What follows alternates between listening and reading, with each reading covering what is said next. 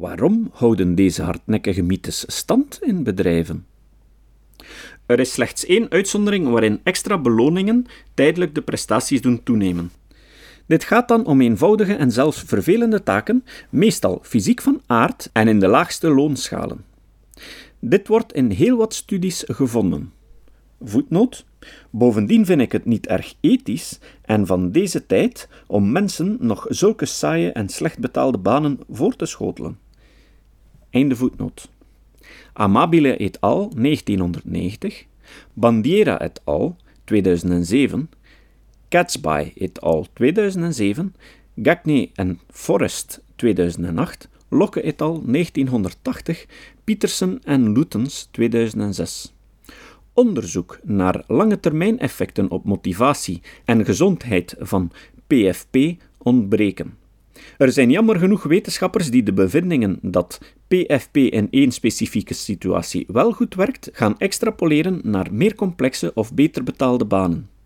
Deze, meestal Amerikaanse wetenschappers, zijn blijkbaar het slachtoffer van hun vooringenomenheid om kost wat kost te willen aantonen dat beloningen wel degelijk blijvend werken.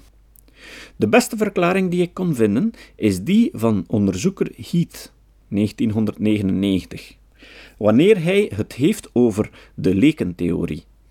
Mensen hebben een zogenaamde theory of mind, waarbij ze veronderstellingen maken over hoe zij zelf, maar ook anderen in elkaar zitten. Heel wat van die aannames zijn vals en berusten op vooroordelen, te snelle interpretaties, eigen voor- en afkeur enzovoort. Dergelijke lekentheorie vind je ook terug bij de ideeën over motivatie. Heath noemt deze lekentheorie over motivatie de extrinsic incentives bias. Vrij vertaald dus het vooroordeel dat extrinsieke stimulansen motiverend zijn. Misschien nog een uitsmijter? Denk je ook wel eens dat anderen vooral uit zijn op geld? En jijzelf niet? Wel, dat zou geen verrassing zijn, want uit het onderzoek van Heath bleek dat mensen denken dat anderen meer gemotiveerd zijn door het geld dan zijzelf.